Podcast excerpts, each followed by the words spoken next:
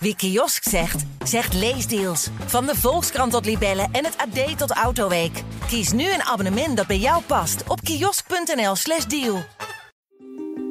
Er is een brute, laffe misdaad gepleegd. Geweld moet stoppen, ja, sowieso. Het Openbaar Ministerie eist forse zelfstraffen tegen de verdachten in het Marengo-proces. De tiende keer in een maand tijd was het vannacht raak. Een explosie in de stad. Meer dan 2 miljard euro aan harddrugs werd vorig jaar door justitie onderschept. Een verdubbeling met het jaar ervoor. Welkom bij de Parool Misdaad Podcast. In deze podcast praten misdaadjournalisten Wouter Lomans en Paul Vugts je elke twee weken bij over grote en kleine misdaadzaken. Voor de trouwe luisteraars van de Tachi Podcast is het misschien even wennen, want we hebben een nieuwe naam en een nieuwe tune.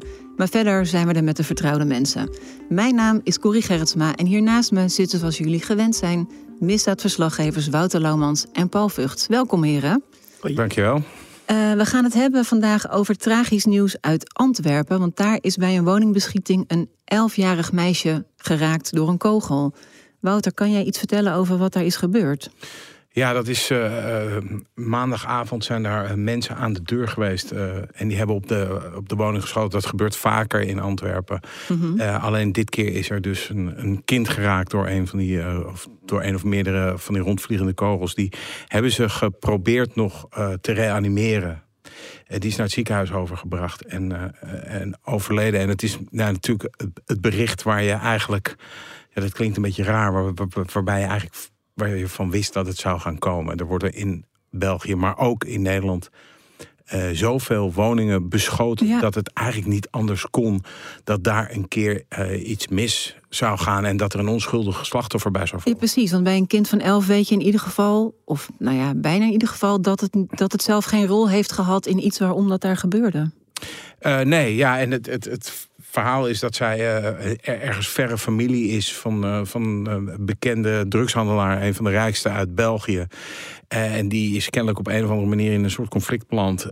en dit is dan toch het trieste, trieste resultaat daarvan dat een kind overlijdt aan, aan een schotwond. Ja, en, en je kan, kan je denken dat zo'n beschieting van een woning, dat het meer een soort angstaanjagen is en dat het eigenlijk soort collateral damage is, om het zo te zeggen? Of dat het echt be be bedoeld is om uh, een leven te nemen? Nee, dit, dit zal collateral damage zijn, nevenschade. Um, we hebben het in Nederland ook wel een paar keer gehad. We hebben een paar keer, bijvoorbeeld ook in Amsterdam de afgelopen jaren...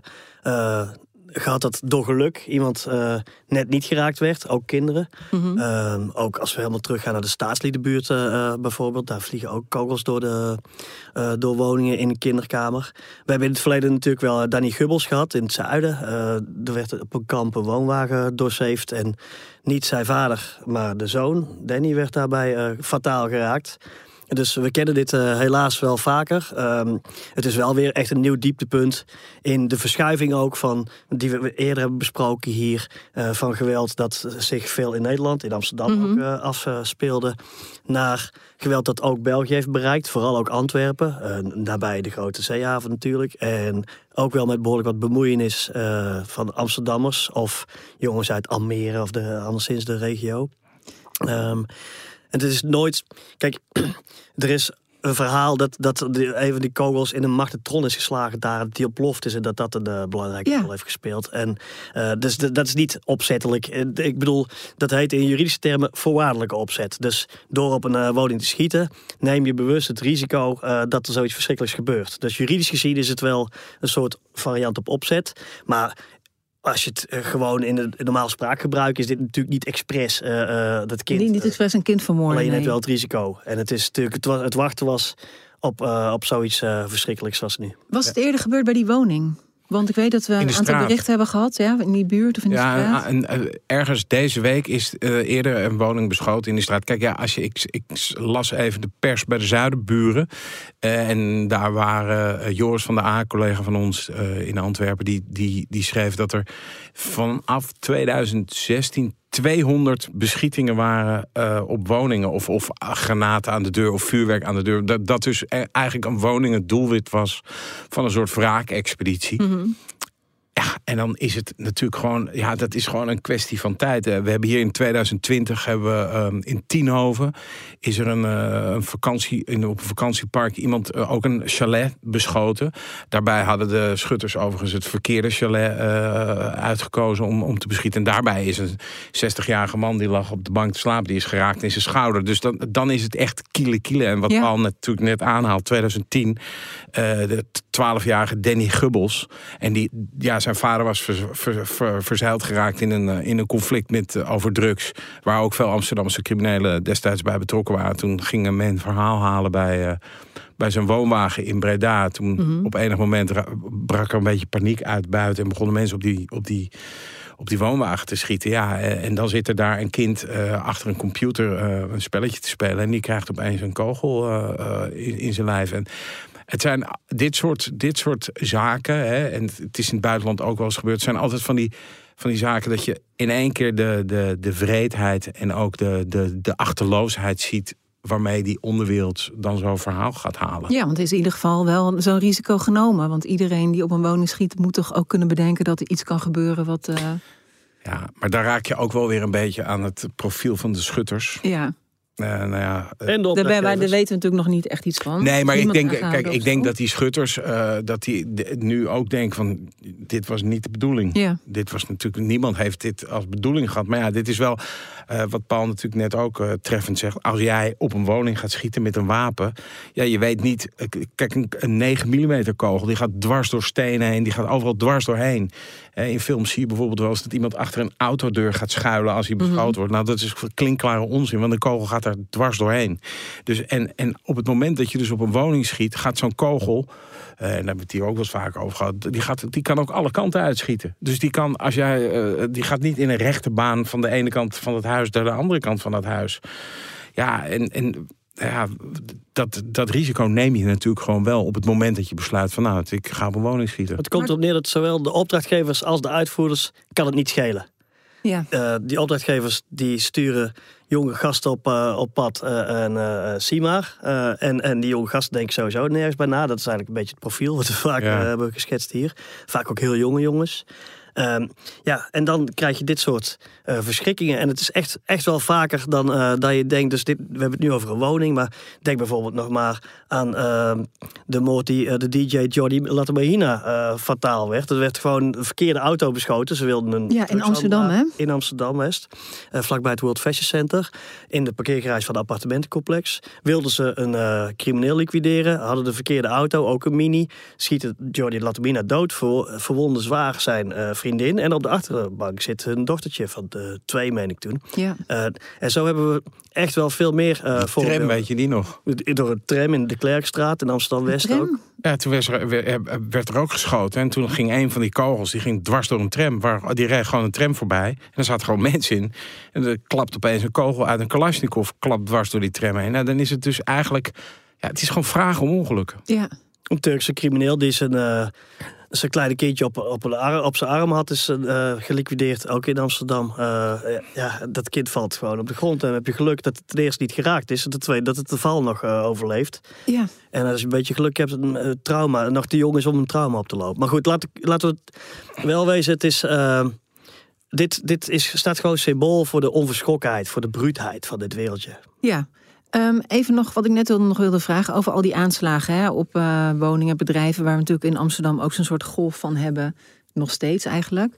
Maar dat zijn toch meer uh, explosieve vuurwerk of soms een handgranaat en niet zozeer dat de kogels worden afgevuurd. Nou, is dat een soort ander nee, idee van dan, dan gebeurt er eigenlijk krijg je geen schade aan mensen? Ja, we hebben het allebei dat... gehad. Uh, en nu, nu recent de zaak die wat, wat groter het nieuws halen... dat is omdat de explosie dan ook echt wel... bijvoorbeeld op het Beukenplein, Amsterdam-Oost... echt zoveel schade heeft aangericht. Dat de hele mm -hmm. sigarenboer is opgeblazen... en uh, zijn interieur moest uh, opnieuw worden gebouwd. Uh, lang allemaal planken aan, uh, aan de muren. Nee, maar die beschieting hebben we ook gehad hoor. En ook uh, gewoon in de rivierenbuurt, niet zo heel erg lang geleden. Uh, schiet dwars door een raam en er ligt achter dat raam ligt een jongen te slapen. en waarschijnlijk moesten ze niet eens dat pand hebben, maar de verdieping boven. Ja. en, ja, en dat... nou, als Wout en ik het op een rijtje zouden zetten, heb je, heb, heb je echt wel minutenlang een aaneenschakeling van dit soort uh, incidenten. Dus het is, niet, het is niet dat dit Antwerps nee, is. maar het is ook niet, we verbazen ons er ook niet meer zo over, lijkt het wel, hè? Ja, maar dat is het rare. Dat is de soort glijdende schaal. Als, als een soort kreeft die in een pan ligt, lig je dan... denk je, oh ja, nou ja, het is weer goed gegaan. Maar eigenlijk de, de extreme risico's die er genomen worden. Mhm. En, en in, in het milieu zelf, ik weet niet of, of Paul dat ook zo hoort... wordt het een beetje beschouwd. Dus even op het raam eh, tikken, tik, tik, tik. Hey, hallo. Weet Dan je wel? hou je in de gaten. Ja, ja, of van, van hey, we, hebben, ik moet, uh, we hebben een probleem. Dat moet wel even worden opgelost. Even tik, tik, tik. Maar En dan je- bedoelt Wouter, het schiet op een pand. En niet het, dat het 11-jarige meisje Nee. wordt. Want Ja, dat, ja. Is, dat heeft echt wel een schok teweeg. Ja, maar het schieten op een pand. Hè, dus dat je gewoon even van, joh, we zijn je niet vergeten. Let eens even op. Eh, zo wordt het. Ja. Dat is de Ja, het perceptie. is natuurlijk ook een grote dreiging, dus ik snap wel. Zeker, maar, maar ondertussen lopen mensen die in dat pand... maar ook, hè, stel nou je schiet door een raam... hij gaat er aan de achterkant door een raam uit... en hij gaat bij de achterburen weer naar binnen... en daar zit iemand tv te kijken en die wordt geraakt. Dat kan, hè? Ja. Het is echt, het is echt heel We gevaarlijk. hebben hier eerder de moord op eh Ayla Mintjes besproken. Dus eh, Mhm. jongens die moesten haar criminele vriend ANSB eh vermoorden. In een Mercedes waarin zij reden. Ehm, ze raken en zij stuurt. En ze raken haar in de rug. Zij overlijdt. Maar in die schietpartij met automatische wapens is honderden meters verderop. In een boven, boven in een eh, appartementencomplex. eh, een kogel over een balkon gevlogen. eh, waar net twee mensen op leeftijd nog eh, hadden gezeten. Die waren net even er binnen. Die hadden ook fataal geraakt Ja, kunnen worden. zo'n kogel gaat gewoon ver, Die gasten ja. denken daar niet over na. Hoe ver zo'n kogel vliegt. Ja. Laten we even teruggaan naar Antwerpen. Ehm, weten we iets meer over. eh dit is natuurlijk een gezin wat daar woonde waar dat huis wat beschoten is. En je zei net al, er wordt vermoed dat dat te maken heeft met een oom van dat gezin. Kunnen jullie iets meer over die verdenking vertellen? Ja, nou ja, het is natuurlijk nu vrij vroeg. Hè? En bij- ons gaat op eh, zo gisteravond, dus het is nu dinsdag terwijl we deze podcast opnemen. Dus maandagavond gebeurde dit. Dan, dan, gaat, eh, dan begint je telefoon zo te tringelen en te doen. En dan krijg je dus van allemaal theorieën ehm, eh, die komen voorbij. En daar valt, weet je wel, dan hoor je bekende namen voorbij komen. Maar wij zijn altijd toch wel een beetje terughoudend om dat gelijk maar de eter in te slingeren. Omdat we gewoon, ja, we hebben nul borging voor die verhalen. Het enige Ja. wat we zo, wel zo'n beetje eh, helder hebben, is dat het familie is van een bekende, een bekende jongen uit het drugsmilieu. maar in, in wat voor een conflict hij, of misschien weer andere Nee, of familie van familie hem, zelf, dat weten weet we allemaal niet. niet. Dus het is best wel link of link, ook al journalistiek onwenselijk, om dan maar gewoon alle roddels die je hoort eh, de eter in te Ja, slingeren. vergis je niet, soms zijn er meerdere scenario's. Stel, iemand weet, er was de afgelopen weken een conflict eh gelieerd aan deze meneer. Wil dat dan één op één zeggen dat dit incident van gisteren ook eh, hiermee te maken moet hebben? Dat zijn... Dat, het is heel gevaarlijk om aannames eh, te doen. En voor je het weet zit je ernaast. Ik, eh, Ja, maar we nemen volgens mij wel een beetje aan dat het. Maar goed, we nemen aan dat het iets met eh een drugsmilieu Oh ja, ja, ja, maar heeft, natuurlijk. Kijk, geweld. Dat en, bedoel ik niet. Dus, dus het zal heus, het, het heeft te maken met die drugscrimineel. Die ook wel in Nederland eh, bekend is. Dat, dat, dat staat volgens wel vast. Niet Mhm. zomaar huizen worden de hele tijd beschoten. Alleen, wat, wat die drugscrimineel of familieleden van hem... dan met andere criminelen of criminele families eh, te schaften hebben gehad de afgelopen tijd... Dat, daar kunnen allerlei ruzies zijn geweest... maar die hoeven nog niet één op één met dit incident te maken te hebben. Dat bedoel ik.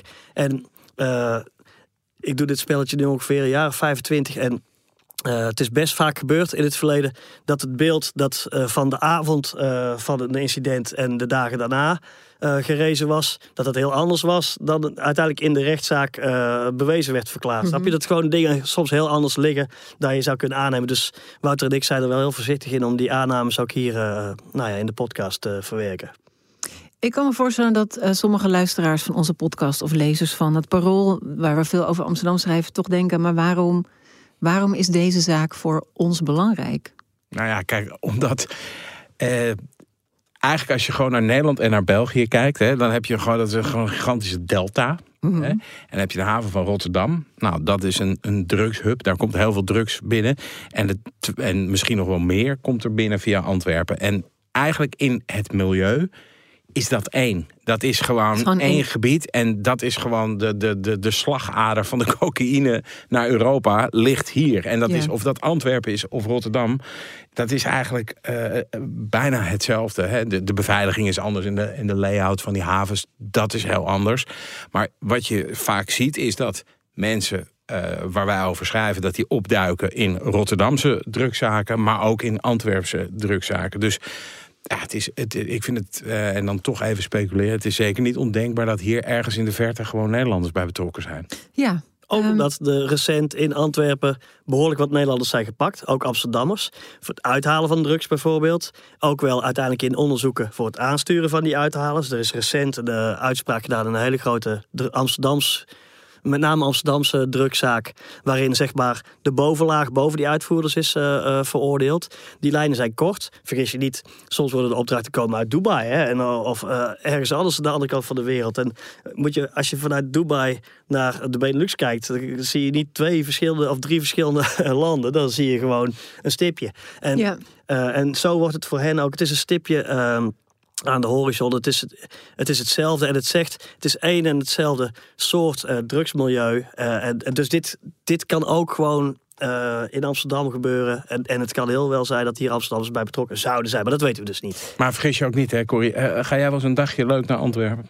Ja kan je, kan makkelijk op en neer, toch? Hoe lang, hoe lang rij je dan? Hè? Anderhalf uur. Als je niet al eh, een dikke file pakt bij Berg op Zoom of zo... dan, dan ben je anderhalf uur ben je Ja, wel in dus sta je wel op de keizer. eigenlijk. Het is, dit is gewoon, dit is hetzelfde. Dus ook dit Je hebt behandelen... geen last van een grens of zo. Nee, maar dit behandelen als twee separate, g- dat is raar. Dit is gewoon, dit hoort allemaal bij ons. En of dat Belgen zijn of dat dat Nederlanders zijn, dat is gewoon, ja, één, dat is bijna één. Ja, er kwamen onlangs ook cijfers naar buiten over hoeveel eh, ton cocaïne er ehm, uit de havens.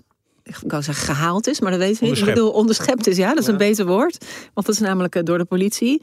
Eh, dat was, eh, moet ik even kijken, 160.000 ton in Antwerpen en Rotterdam samen. Zijn dat cijfers waar jullie nog gek van opkijken? 160 ton. 160 ton. Ja, Eh, nou ja, het- is, het is wel heel veel. Ehm, wat, wat wel grappig is, als je de berichtgeving volgt hier een beetje over vandaag, want wat, dat, dat cijfer wordt naar buiten gebracht. En dan relateren we natuurlijk altijd naar voorgaande jaren. En dan is het een beetje de, eh, het idee, 160 ton, wow, wow, die opsporingsdiensten, die hebben wel even door het nieuwe beleid eh, zitten knallen, zeg. Je kunt het ook andersom zien. Het, het vloeit als een, als een stortvloed West-Europa binnen, via Ja. de zeehavens van Antwerpen en Rotterdam. En ze hebben hier en daar wat afgevangen. Zo kun je het ook zeggen, als je het, eh, het is misschien wat cynischer. Maar ehm, het past helemaal in de lijn die wij ook in deze podcast al zo vaak hebben be- beschreven. Dat de partijen zoveel groter worden. Dat ook al pakken ze duizenden kilo's eh, op één moment. eh, soms meer dan 10.000 kilo of nog meer. dan nog is het maar een rimpeling in de vijver van de onderwereld. En zien we nog steeds dat de groothandelsprijzen zelfs zakken. Dus, het wordt, dus er is zoveel aanvoer dat de blokken cocaïne en ook de bakken, de containers cocaïne, althans waar die cocaïne verwerkt zitten, minder eh, eh, waard Mhm. zijn. En eh, de straatprijs blijft gewoon altijd al constant. Ja, zolang als dat hebben we vaker gezegd. Ja, maar het is, ik bedoel, ze hebben geloof ik nu minder gepakt dan eh, vorig jaar. Vorig jaar was een piekjaar, hè, 2021, in, Ha- in, althans in wat ik gezag in, eh, in Rotterdam. Eh, dat was een piekjaar. Ja, en dan is het heel makkelijk om, om te zeggen, joh, het gaat allemaal helemaal goed, want de cijfers dalen. Het cijfer is volgens mij Ja, nu on, alsof mensen bang zijn geworden Nee, om het te gaan invoeren. Ja, maar het is om, om en nabij gelijk aan eh 2021, eh, 2020, sorry, uit mijn hoofd. Ehm, dus je ziet, oké, dan is er, is er vorig jaar zijn er heel veel eh, partijen gepakt. Maar dat kan ook zijn doordat misschien mensen een lucky shot hebben gehad in de opsporing. Dat er opeens een hele grote partij, twee hele grote partijen Ja. of drie. Die hè, op de weegschaal dat- liggen. Dus en kijk, zolang wij houden, wat Paul ook zegt, zolang die marktprijs daalt, zegt mij dat. En eh, dat zou eigenlijk iedereen moeten zeggen van nou, er is nog genoeg.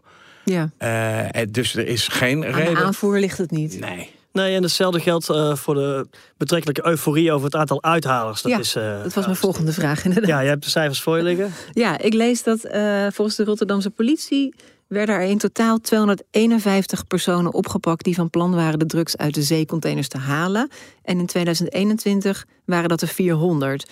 En die Rotterdamse hoofdofficier Hellenaar die zei: eh, het is naar beneden gegaan, maar dat komt door strengere straffen. Nou ja, Terwijl je- Ja, het, ook dat cijfer komt er weer overeen met 2020. Hè? Dus, dus, de- dus je, zou, je zou het allemaal om kunnen draaien. Je kan ook zeggen, joh, 2022 of 2022 is een, eh, of 2021 is een piekjaar geweest in Ja. alle opzichten. En daarvoor daarna is het weer gelijk. ik denk Dus- gewoon 251 vind ik veel. Dat betekent dat er minimaal 251 mensen dat al wilden gaan doen. Ja, en dan moet je weten eh, dat er veelvoud het zal zijn, want je ziet maar een klein percentage. Maar dat is zoals politici, eh, beleidsmakers en managers willen denken. Snap je? Dus ze hebben inderdaad, eh, voorheen kreeg je eh 90 euro boete als je met een rugzakje werd gepakt midden in een zeehaven waar je niks te zoeken hebt in Rotterdam. Eh, Ja. Nu kun je daar max een eh, jaar cel voor krijgen. Dat is veranderd. En, en beleidsmakers en managers eh, die- ook hun persconferenties en persberichten eh, verspreiden, die willen dan graag daaraan koppelen. Kijk, het beleid heeft gewerkt. Kunnen ze dat van harte? Maar het heeft niet altijd met de werkelijkheid te maken natuurlijk. Het, het is niet per se gezegd dat uithalers zich heel erg laten tegenhouden door de strafdreiging, zoals dat heet. Nee. Dat, dus dus dat, dan claim je een succes. eh, dat je ook eh, gewoon, je, je zou rustig van toon kunnen blijven ook. Sterker nog, doordat de straffen omhoog zijn gegaan voor het uithalen, doordat er dus nu een jaar, eh, doordat het nu eh, bedreigd wordt met een jaar zelfstraf, zijn gewoon de prijzen van, dat hebben we ook al eerder besproken, zijn gewoon de prijzen van een uithaal zijn omhoog gegaan. Dus die jongens die zeggen, ja, ik vind het allemaal wel leuk en aardig. Ik loop meer risico. ik loop meer risico. Ik ga misschien een jaar achter de bouten. Dat kost u meer. Dus het is eigenlijk, en dat is eh, over perverse prikkels gesproken, is het dus gewoon lucratiever om het nu te doen. Ja. In financieel opzicht. Hè? Als je gepakt wordt, ben je meer, misschien wel meer de klos. Maar dat is, dat is de werkelijkheid. Ja, ik, ik heb het niet teruggelezen in een persbericht, maar het is wel zo. Eh, opvallend ook, hoorde ik, is dat de meeste uithalers die gepakt worden in elk geval, dat dat first offenders zijn. Dus die eigenlijk niet eerder met justitie in aanraking kwamen. Ja. En dan opeens een sloot geld kunnen verdienen. Het zijn hele Is jonge er- jongens. Dus, dus het zijn vaak echt, het is een soort instapdelict geworden. Eh, dus het, Ja, dus terwijl voor mij zou het niet klinken als een instapdelict. Nee, als je zware straffen kan krijgen en ik, je daar in het donker zo'n haven 16 in was- met, met, met, met iets doen wat ontzettend veel geld kwa- eh, wa- waard is en je ook niet kwijt wil raken. Toen ik 16, 17 was, ik vond mezelf ontzettend stoer. Maar veel verder dan een beetje vechten kwam ik niet. Maar in, me in een haven laten brengen, bijvoorbeeld in een container. Daar soms nog nachten slapen in een eh, geprepareerde container om de kans af te wachten.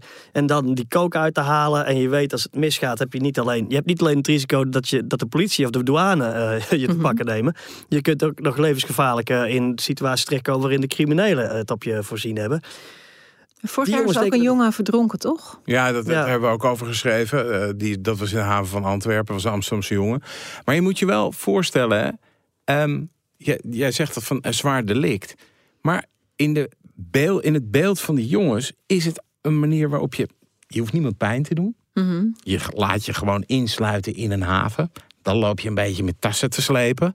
En hoppakee, je krijgt een ton. Weet je wel, Wordt je beloofd. wordt je beloofd. Ja. Ja, maar dat is dus wel even een. Dus de, het is in hun visie. En ik bedoel, ik praat het allemaal niet goed, want het mag niet en je moet het niet doen. eh, waarvan akte. Maar in hun visie is het een delict waarvan je denkt, nou, een beetje. Het is anders dan een bank overvallen. zeg Nou, of een maar. woningoverval. Ja. Hè? En, en een woningoverval wordt veel. veel eh, we heb- dan, dan ben Er je is geweld aan het. persoonlijk leed of zo. Ja, hier ga, je, klim- je klimt een, een container in. Daar haal je wat cocaïne uit. Die, die geef je aan iemand en je krijgt een heel pak geld. En je Ja. ziet geen slachtoffers. Als je in een woning i- iemand moet vastbinden en eh, bedreigen, weet ik veel, dan heb je daar misschien zelf ook nog wel een tijdje last van. En dit ziet eruit van een afstand als een eh, slachtofferloos delict. Dan als je niet doordenkt tenminste. Als je doordenkt aan al die Ja, verslaafden. als je, maar als je door gaat denken, dan ga je dit sowieso niet doen. Want Nee. dat is, weet je wel. Maar ja, Maar er is geen sprake van doordenken. Nee, dat snap ik ook. En ze worden er waarschijnlijk ingelokt door kennissen die het ook doen en succesvol. En ben hebben ik wel gedaan. benieuwd. Eh, Paul, het verhaal eh, wa- wat je altijd hoort, hè, dat, eh, ik stoor me er altijd een beetje aan, dat is dat het ronselen. dat de crimineel die onze lelieblanke tieners staat op te wachten bij scholen In in een dikke dikke, auto. Hoe, hoe, dat ronselen, ik heb daar altijd moeite mee als dat zo gebracht wordt. Ik heb het zelf ook wel eens gezegd, hè, het, eer- maar, omdat, maar dat ronselen, dat gaat toch eigenlijk gewoon heel anders. Nou, het, gaat, het gaat veel subtieler natuurlijk dan. Het is niet zo dat ineens een eh, hele dure eh, Mercedes, BMW, Audi of zo bij een school gaat. En dat daar jongens langskomen en dat iemand zegt... "Psst, psst, Wil je een ton verdienen?" eh, zo gaat het natuurlijk niet. Het gaat subtieler dan dat. Maar het gaat wel... kijk, je hebt, we hebben het wel eerder gehad over allerlei verschillende... eh, rolmodelachtige figuren. Dat kunnen gangsterrappers zijn. Dat kunnen jongens van de straat zijn. Die, eh, die duidelijk heel vroeg veel geld hebben. En, en dan eh, zijn er gasten die een beetje tegen hen opkijken. En langzaam worden die erin uh, getrokken. Ehm, dat is subtieler. We horen ook wel verhaal dat, dat bijvoorbeeld bij hulpverleningsinstanties of zo dat wordt geprobeerd. Maar dat is nog steeds niet zo dat iemand voor de deur gaat staan wachten. Maar die, die probeert in de invloedssfeer van zo jongen in zijn invloedssfeer te, te krijgen. En langzaam een beetje, ja, jij kan ook wel wat doen. Um, Wil je wat verdienen? Ja, maar hebben jullie niet de jongens zelf wel eens gesproken? Ja, maar weet, weet je dus, ja, ook. Maar wat je dus ziet, is je ziet dus uh, ook clusters van misdrijven. Dus je ziet bijvoorbeeld, uh, waar ze in Utrecht grote zorgen altijd over hebben, is een, een, een groep plofkrakers. Mm -hmm. Nou ja, plofkraken, dat is niet een heel uh, een, een, exclusief Utrechts fenomeen. Alleen, er houden zich daar, houdt zich daar een groep jongens mee bezig. Die verdienen daar veel geld mee. Hè, met snelle auto's plofkraken plegen in, Duitsland. In Duitsland ja. En dus dan zie je dat zo'n groepje een soort aanzuigende werking heeft. Dat andere gasten denken van... hé, hey, zij verdienen lekker geld met die ploffers. Dat ga ik ook doen. Snap je? Dus, en dat, uh, we zien het hier in Zuidoost. Er zijn veel jongens die met uithalen in Antwerpen uh, uit Zuidoost. Daar zie je dus ook zo'n soort clustertje van, van, Dan is er dan een klein groepje die houdt zich daarmee bezig. En dan die denken, denken andere jongens... Hey, dat wil ik eigenlijk ook wel, want het is makkelijk geld verdienen. Of uh, weet je, dan, dan hoor ik erbij. Of wat de motivaties allemaal zijn. Maar het, het is dus vaak kennis via via. Maar het is dus ook, het klinkt wel alsof het dus ook vaak succesvol is. Nou, uh, als een uithaal succesvol is, dan dat is dat, dat is meer geld dan, dan uh, ja. wij met z'n drieën samen jaarlijks kunnen bijschrijven. En je moet ook niet vergeten, want als je, als je dat klassieke beeld zoals de overheid het soms wel lijkt te verspreiden, van een, een, man in een Mercedes of zo, en die ronselt daar, dan denk je misschien iemand van 40 of zo. Ik had het net over een grote drugzaak in Amsterdam, waar net straffen zijn uitgedeeld van een middenkader. Die jongen die dan verantwoordelijk was voor het ronselen van de uithalers. En dat is ook bewezen verklaard. Uh, het is 23, 24, mm zoiets. En die komt uit Amsterdam Zuidoost, maar die zit ook in Amsterdam Oost en zo. En die hebben gewoon. En die had na een stom feestje, uh, uh, waar nogal wat drank was gevloeid, heeft hij iemand doodgeschoten op het Krugeplein. gewoon in, in een, een domme ruzie. Um, helemaal niet langdurig als een soort capo afwachten tot de kans komt. Nee, gewoon het straatleven leven en zo. En die gast die is dan pas uh, begin uh, 20, midden 20 wordt hij. En dan, dan heeft hij dus heel makkelijk toegang tot die jongere jongens. Die spiegelen zich aan hem. Hij heeft dure kleren, hij, heeft, uh, hij, hij ziet er stoer uit. Mensen doen dingen voor hem. Mm -hmm. Dus hij komt, hij laat mensen, stuurt hij op pad met een auto om even iets te halen voor hem. Bijvoorbeeld een wapen, in het geval van de, uh, die uh, schietpartij. Um, hij, hij, heeft, hij zit in een soort machtsstructuur, een paar stappen hoger dan die jongens. Nou, die jongens die denken, wow, dat is ons rolmodel. Uh, en die gaan dan in zijn voetsporen proberen te treden. En als hij dan een keer een klusje heeft, dan zijn zij bereid om daarin te haken. En met de belofte natuurlijk van uh, als groep 50.000 euro, 100.000 euro of zo, als je die uh, koker uit hebt. Soms krijgen ze het niet eens, soms krijgen ze een deel. Soms, en vergis je niet, ze verbranden dat geld ook ontzettend snel. Dus ja. dat is even snel feesten en dan is het weer op. Hè? En dat, ik denk, als ik een ton ineens zou hebben, zou ik echt heel erg lang doen. Uh, omdat misschien ga ik dat mijn hele leven niet meer opmaken. Als ik een ton extra bovenop alles. Uh, wat zeggen, je hebt ook gewoon salaris, toch? Ja, een schoenendoos ja. onder je bed. ja. maar, maar als je ziet hoe snel dat geld vervliegt in dit wereldje. En dan kun je bedenken hoe snel ze weer nieuw geld uh, nodig hebben. Ja, het, is, ja. het is een bestaan van elke keer vers geld. Dus je hebt er heel veel geld en dat, dat smijt je er doorheen. En dan heb je weer vers ja, geld nodig. Ontzettend aan gewend, word je, raak je ontzettend aan gewend natuurlijk. En nog even, uh, de verlokkingen begrijp ik. Of begrijpen we hè, dat jongens het doen. Uh, ook de eeuwige strijd van uh, de overheid en de haven zelf. Wat, wat, gebeurt daar nou om het daar moeilijker te maken? Het zijn natuurlijk gigantische terreinen waar gigantische aantallen containers binnenkomen. Loopt daar alleen maar, moet het leger daar niet gewoon uh, de boel gaan bewaken? Of hoe, uh, hoe wordt het aangepakt? De pakkans moet natuurlijk omhoog. Hè? En dat zijn ze ook wel aan het doen. Dus ze zijn in die havens camera toezicht. Ze vliegen er met drones overheen. En ze, en ze maken het moeilijker. Dus vroeger had je gewoon uh, pincodes voor, voor, voor de haven. En dan kon je gewoon het, het terrein op en af. En die zijn nu aan, tijds, aan tijdslimieten gebonden. Dat soort, uh, dat soort dingen, weet je wel. Dus dat is natuurlijk wat ze allemaal doen. Maar, het, en, en dat is wel, maar dat is wel allemaal... zit dat aan de ja, aan de repressiekant. Hè? Ja. Dat je zegt, joh, we gaan dat allemaal moeilijk maken. Aan de andere kant denk ik altijd, moet je toch ook kijken naar wat zijn dan de drijfveren van de, van de jongens. En kunnen we daar iets aan doen? Alleen dat is in het huidige, huidige politieke tijdsgevricht gewoon best wel impopulair elke politicus zal zeggen: ja, we gaan ook zorgen dat er bewustwording komt en dat er. Uh, dat, Investeren in opleidingen en arme wijken. Ja, maar ik bedoel, de, een aantal belangrijke indicatoren van, van uh, voorspellers van crimineel gedrag zijn opgroeien in armoede, opgroeien in een slechte wijk, opgroeien in een eenouder uh, gezin, verstandig, verstandelijk beperkt zijn, uh, opgroeien in een huishouden waar veel middelen gebruikt worden. Dat, dat zijn hele belangrijke indicatoren. En dat is echt de onderkant van de samenleving. Ja, en het is, we leven in schrale tijden wat dat betreft. Jij, ik weet nou niet hoe jij er tegenaan kijkt. Schrale tijden ook, omdat uh, de afgelopen 15 jaar uh, de regeringen opeenvolgend uh, ook heel veel bezuinigd hebben. juist op jeugdzorg, juist op buurthuizen, mm -hmm. juist in de niet echt versterking in de arme wijken. Er wordt bijvoorbeeld in Amsterdam worden er echt wel, uh, zijn er echt wel grote plannen. We hebben het eerder over gehad. Masterplan Zuidoost, een masterplan Nieuw-West. Een plan voor Noord dat om een of andere vage reden anders moet heten dan masterplan. Maar ook zo'n plan is. En, uh, maar uh, kijk, er, er wordt er wordt soms niet zo ver gekeken vanuit, de, zeker vanuit Den Haag. Dus er is nog wel corruptiebestrijding. Daar is wel veel aandacht voor. Dan kun je afvragen, misschien moeten die mensen echt veel meer verdienen in de havens. Willen ze niet zo makkelijk uh, verlokt worden als ze een beetje schulden hebben en zo. Mm -hmm. uh, maar veel, dus je hebt het over beveiligingsmaatregelen, je hebt het over corruptiebestrijdingen. Maar de volgende stap meer uh, investeren in wijken, jeugdzorg, in, uh, in buurthuizen voor mij part. Dat is helemaal niet aantrekkelijk. Dat vindt men in Den Haag helemaal niet aantrekkelijk. Want dat, dat kun je ook niet. Je kunt daar geen resultaat van meten. Jij kunt over tien jaar niet zeggen. Kijk, deze jongen heeft geen misdrijf gepleegd. Want dat weet je niet of dat door jouw uh, uh, ingrijpen nee, is. En maar je weet ook dat er gewoon altijd al criminaliteit was, toch? Het is nooit. Het is nee, maar de kookgerelateerde criminaliteit is wel ontploft. En er is wel een besef, dus politiek breed, dat hier iets moet gebeuren. Alleen de vraag uh, wat er dan moet gebeuren, dat kun je via de ouderwetse links-rechts tegenstellingen wel uh, voorspellen wie wat wil. Uh, nou ja, en in Den Haag zijn ze natuurlijk heel erg van de repressie, harder, harder aanpakken. Maar wat ze vergeten is dat die gasten die daar in de haven die spullen uithalen en die dan misschien harder aangepakt moeten worden, hm. die zijn dat mede gaan doen als gevolg van het beleid van Den Haag. Snap je? Dat is misschien misschien klink ik daar net zo retorisch als uh, de sommige uh, politici. Maar het is wel iets wat niet makkelijk onder ogen wordt gezien. Er wordt steeds maar geroepen: uh, we moeten ze harder bestraffen, want ze doen allemaal foute dingen.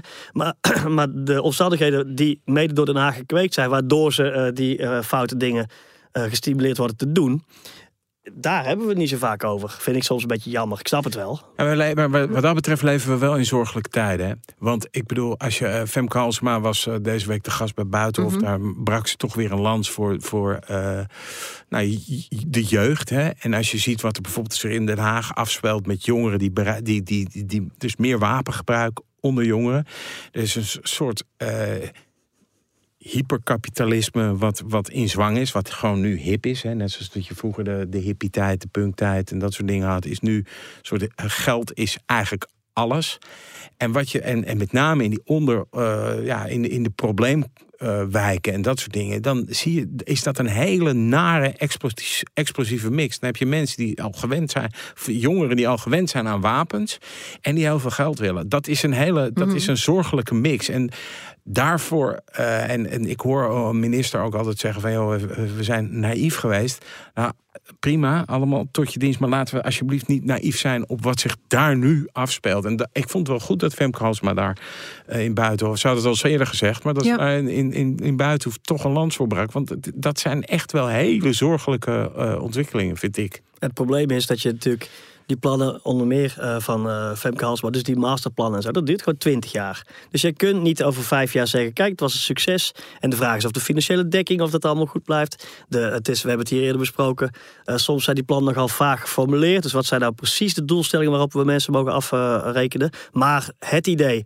dat je echt in die wijken moet investeren om het duurzaam op te lossen, is geen gek idee. Alleen, het is veel moeilijker over het voetlicht te krijgen, politiek gezien, korte termijn denkend gezien, dan, dan het roepen harder straffen en, uh, en uh, en of zeggen dat je, dat je succes hebt gehad, want je hebt uh, de boete voor het uh, uh, gepakt worden als uithaler vervangen door een celstraf. Mm -hmm. Be my guest. Ook goed, moet je zeker ook doen. Maar daarmee is het niet klaar. Alleen soms klinkt het een beetje op, op dagen zoals deze, wanneer het in de pers komt van hé, hey, we hebben grote successen geboekt, want we hebben veel meer uithalers. in elk geval de afgelopen ja, jaren. Minder uithalers waren er. Nou, het draait om geld. Dus kijk, als het persbericht waarin zegt... joh, we hebben het verdienmodel van cocaïne gesloopt... Dat heb ik nog nooit gezien. Maar dat zou een persbericht zijn. Dan zou ik zeggen, zo, hallo. Maar dat, dat kan niet. Snap je? Want het is een illegaal product. En omdat het illegaal is, wordt er gruwelijk veel geld mee verdiend. En er zijn mensen die bereid zijn om zich in die wereld te mengen voor dat geld. Nou, en daar moet je naar kijken. En de opsporing en de overheid in brede zin slaagt er niet in het geld af te pakken. Zolang dat zo blijft dat de Parool die enorme rijke organisaties kunnen we rijker blijven worden, uh, blij, blijft de Parool Misdaad podcast bestaan. Laten we daarmee eindigen. Uh, deze Parool Misdaad podcast is eerst een week exclusief te beluisteren op parool.nl en in onze app. Een week later verschijnt die podcast ook in andere podcast apps zoals Spotify. Wil je meer misdaadverhalen lezen van Paul en Wouter? Download dan onze app of ga naar parool.nl. Vragen en opmerkingen kunnen naar misdaad.parool.nl. Ik uh, lijk ik in herhaling val.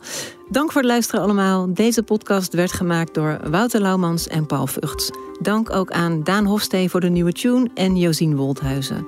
Mijn naam is Corrie Gerritsma. Dank voor het luisteren en graag tot de volgende keer.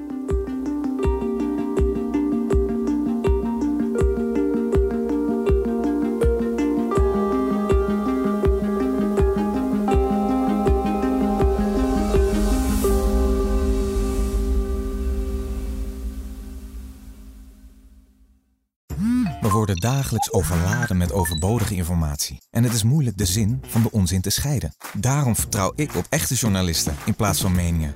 Een krantenmens heeft het gemakkelijk. Word ook een krantenmens en lees je favoriete krant nu tot al zes weken gratis. Ga snel naar krant.nl. Bezorging stopt automatisch en op deze actie zijn actievoorwaarden van toepassing. Wie kiosk zegt, zegt leesdeals. Van de Volkskrant tot Libellen en het AD tot Autoweek. Kies nu een abonnement dat bij jou past op kiosk.nl/slash deal.